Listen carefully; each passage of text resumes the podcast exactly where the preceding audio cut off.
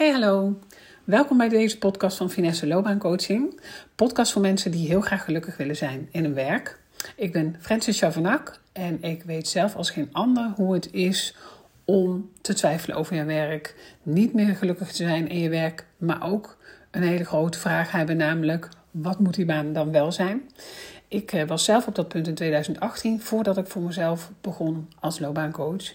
En uh, ja, dat maakte ook dat ik vanuit die ervaring en vanuit alle inzichten die ik in mijn huidige werk als loopbaancoach heb opgedaan, deze podcast ook weer opneem. En het onderwerp van de podcast van vandaag is waarom ik niet zo geloof in het nastreven of het zoeken naar jouw droombaan. En ik wil je dat meegeven waarom ik daar niet zo in geloof, omdat ik denk dat het je kan belemmeren om het antwoord te vinden op die vraag. En ik denk dat het je kan belemmeren in zien wat het wel voor je mag zijn. Ik denk dat het de druk wat verhoogt als je streeft naar die droombaan. Kortom, ik ga je allerlei redenen noemen waarom ik denk dat het beter is om, als jij nadenkt over je werk, niet gelukkig bent in jouw werk, graag iets anders zou willen doen, maar niet goed weet wat dan, om dan niet te streven naar het vinden van jouw droombaan. Of niet te streven naar het vinden van het antwoord op wat jouw droombaan moet zijn. En daar zijn verschillende redenen voor. Allereerst, ja, wat ik al even noemde, denk ik dat op het moment dat jij het ziet als jouw droombaan, ja, dat, dat klinkt als er is één baan in de wereld waar jij heel gelukkig van wordt, wat echt jouw droom is. En op het moment dat je dat zo ziet, ja, dan leg je jezelf daar eigenlijk een soort van druk op.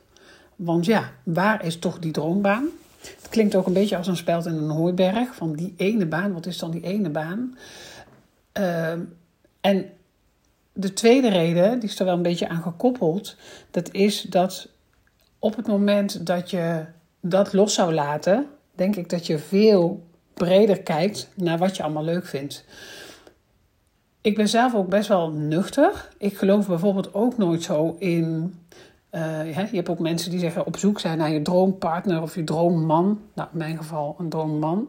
Ik ben echt heel blij met mijn man. We hebben het heel goed samen. Ik wens iedereen toe wat wij hebben.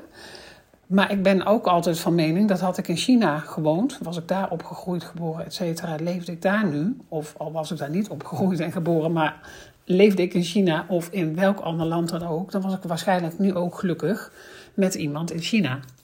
Dus ik ben zelf wel vrij nuchter. Wat ook maakt dat ik denk ik niet zo snel. Ja, ik vind het een beetje een, een bijna een utopie, een droombaan. Net als een droomman of een. Maar goed, het is gewoon een woord wat minder bij me past. Dus dat is ook even een stukje persoonlijk. Maar wat er ook in werking gaat, en dat is eigenlijk de derde reden, op het moment dat jij op zoek gaat naar jouw droombaan, ga je ook weer wat meer in die buitenwereld op zoek naar wat is dan die baan die bij jou past. Terwijl, en dat heb je me misschien al wel eens vaker horen zeggen als we uh, kijken naar vacatures, daar raad ik altijd aan. Ga omgekeerd werk. Ik vind zoeken naar vacatures een beetje vergelijkbaar met zoeken naar jouw droombaan. Wat je gaat doen is in die buitenwereld kijken wat die baan dan voor jou moet zijn, terwijl dat antwoord ligt bij jouzelf. Dus wat ik raad je aan om daar omgekeerd naar te kijken en te gaan kijken wat vind jij belangrijk? Waar word jij blij van? Wat geeft jou energie?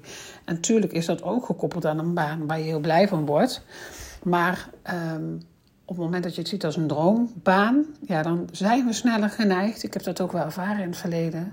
Zijn we sneller geneigd om meer in die buitenwereld te gaan zoeken. Terwijl mijn, ja, een van mijn grootste tips aan jou is wel start die zoektocht, maar blijf die zoektocht ook uitvoeren vanuit jezelf.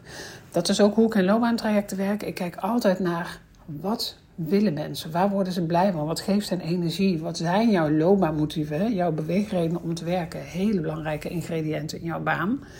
En op het moment dat jij goed weet wie jij bent, wat jij kunt, wat jij ook wilt toepassen van jouw kwaliteiten, maar vooral waar word jij blij van? Dus wat wil jij? Dan heb je voor jezelf helder wat jij allemaal belangrijk vindt. En dan wordt het vaak veel makkelijker om daar die baan bij te vinden. Dus dat is ook een risico van kijken naar de droombaan. Dat we hem iets meer buiten onszelf gaan leggen en iets meer in die buitenwereld gaan zoeken. Terwijl het juist waardevoller is, sneller gaat, meer tot antwoorden leidt als je die zoektocht bij jouzelf start. Dus dat is ook een van de redenen ehm, om niet op zoek te gaan naar die droombaan. Een andere reden is ook dat ik denk dat op het moment dat je het idee van een droombaan loslaat, dat je dan ook met een brede vizier naar functies zult kijken. Als je bijvoorbeeld insteekt op, maar wat is nou een baan waar jij heel blij van wordt? En voor mij mag je er ook nog maken, wat is nou die baan? Hè? Want ik streef ook echt altijd in mijn trajecten naar duidelijk krijgen waar iemand nou het allerblijst van wordt. Dus dat mag je best voorop blijven zetten. Maar het is wel goed om te gaan kijken wat zijn, nou misschien zelfs letterlijk, wat zijn nou banen die jou aanspreken? Dat maakt ook dat je ook daar weer loslaat dat het één baan moet zijn. Er zijn misschien ook wel meerdere banen waar je heel erg blij van wordt. Ook dan geloof ik erin dat als je die weer ten opzichte van elkaar zet, dat daar echt een baan is die daar het meeste uitspringt. Maar het helpt je wel om met een brede vizier naar alles te kijken wat er in de, nou, in de buitenwereld is, maar ook in de, hè, als mogelijkheden voor jou zijn. Banen die bij jou passen, waar jij blij van wordt, of werkzaamheden, maak hem ook wat kleiner. Het kan ook helpen om niet in een baan te denken, maar te beginnen bij werkzaamheden. Maar ja, dus ook dat is een reden om het woord droombaan en de wens om je droombaan te vinden ook los te laten. Het suggereert voor mij ook dat er één baan is die jou heel blij maakt. Ik heb zelf ooit in een, uh, dat was bij mijn tweede baan van de drie, heb ik, voordat ik daar werd aangenomen, kreeg ik in mijn sollicitatiegesprek de vraag: Waar wil je over vijf jaar staan? Nou, die vraag heb ik wel vaker gehad. Misschien heb jij hem ook al wel eens gehad. Ik heb daar nooit in mijn leven een antwoord op gehad, omdat ik altijd heel sterk voelde: ik wil gewoon heel blij worden van mijn werk. En zolang ik blij ben, ehm, zit ik goed. En zodra ik niet meer gelukkig ben, ga ik ook verder. En dat wil niet meteen zeggen dat ik daarmee mijn baan opzij. Maar op het moment dat ik voelde van, hmm, het begint te knagen, het wordt routine. Uh, ging ik of in gesprek of ging kijken wat er anders kon in mijn werk. Maar ik heb nooit een pad uitgestippeld. Ik heb nooit bedacht, nou, ik wil daar naartoe. Ehm, en ook dat past weer bij mij, hè? dat is wie ik persoonlijk ben. Ik ben heel erg van het leven in het moment en op dat moment voelen hoe voelt het, voelt het goed. Dan, dan is het goed. Voelt het niet meer goed, nou, zoals ik al zei, dan ga ik ook verder. Dus dat is ook een beetje afhankelijk van hoe jij als mens bent. En er is niks mis mee als jij wel heel duidelijk een pad hebt waar je naartoe wil over vijf jaar. Vind ik ook alleen maar heel mooi als je dat hebt. Ehm, maar er zijn ook heel veel mensen die dat niet hebben. En als je merkt dat je dat lastig vindt, dan kan het ook helpen om het woord droombaan of het streven een droombaan los te laten. Ik weet dat toen ik dat in dat sollicitatiegesprek noemde, werd er eigenlijk op gereageerd dat ze dat geen afdoende antwoord vond. Ehm, het grappige was, en dat is wel een leuke anekdote in dat gesprek. Ik ben later wel aangenomen. Ik was in eerste instantie afgewezen. Ik had heel kort voor mijn gesprek, ik had echt op een millimeter na een aanrijding veroorzaakt op een, de drukste rotonde in Nijmegen. Dus ik kwam echt een soort van trillend binnen en ik was een beetje van me apropos in dat gesprek. Ehm, dat heb ik op dat moment niet genoemd. Had ik beter wel kunnen doen. Maakte ook niet uit, want later kwam het toch goed. Maar ik heb toen een sollicitatiegesprek gehad waar ik sowieso niet zo sterk in was, omdat ik eigenlijk even tijd nodig had om mezelf weer te herpakken. Want het was echt om de hoek van het bedrijf gebeurd, bijna gebeurd. En het grappige was, wij werkten daar later met een systeem waarbij je notities in een kaart kon zetten. En daar had je ook een deel wat je kon afschermen alleen voor jezelf. Dus eigenlijk een soort uh, digitaal notitieblok voor jezelf. Alleen, uh, ze hebben toen mijn notities niet in een eigen omgeving gezet, maar die was openbaar. Dus ik kon later, toen ik eenmaal begon, zien wat hun reactie was op mijn gesprek met hun. had natuurlijk niet gemoeten. We hebben daar heel hard om gelachen. Ik heb het ook genoemd. Ze hebben dat meteen weer dichtgezet. En er stond ook niks raars. Maar er stond wel in dat ze me weinig ambitieus vonden. Omdat ik geen goed antwoord had op de vraag wat ik over vijf jaar wilde. In eerste instantie was ik afgewezen voor dat gesprek. Toen heb ik benoemd, ja weet je, ik was gewoon niet helemaal mezelf. Dit is wat er gebeurde vlak van tevoren. Had ik dat maar gezegd, dan hadden jullie het misschien beter kunnen plaatsen. Dan had ik mezelf wat ruimte gegeven. Uh, nou, en toen hebben ze besloten me toch nog een keer uit te nodigen. En toen ben ik uiteindelijk wel aangenomen. Uh, maar ja, ik, ik heb het vaker gehoord dat er wel een soort van verwachting was. Dat ik wel een pad had uitgestippeld. Ja, weet je, en ik ben daarin heel trouw aan mezelf.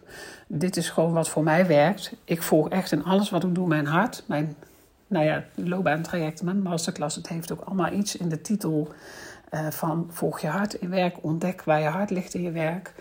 Um, dus doe daarin ook echt wat voor jou goed voelt. Dus probeer je niet te laten, en dat is mijn laatste tip, probeer je ook niet te laten beïnvloeden door wat anderen vinden.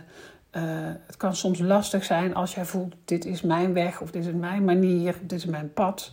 Of zo doe ik dat graag. Of ik wil echt een switch maken naar iets heel anders, maar mijn omgeving raadt het me af. Doe het op jouw manier en werkt voor jou het woord droombaan wel. Zeker doen.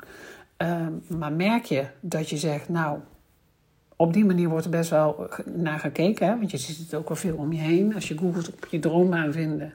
Er zijn ook veel loopbaancoaches wel die uh, die woorden gebruiken. Het kan, als het voor je werkt, zeker doen. Merk je dat het niet zo goed voor je werkt, dan kan het zijn dat de tips die ik nu noemde, dat dat wel iets is wat jou kan helpen.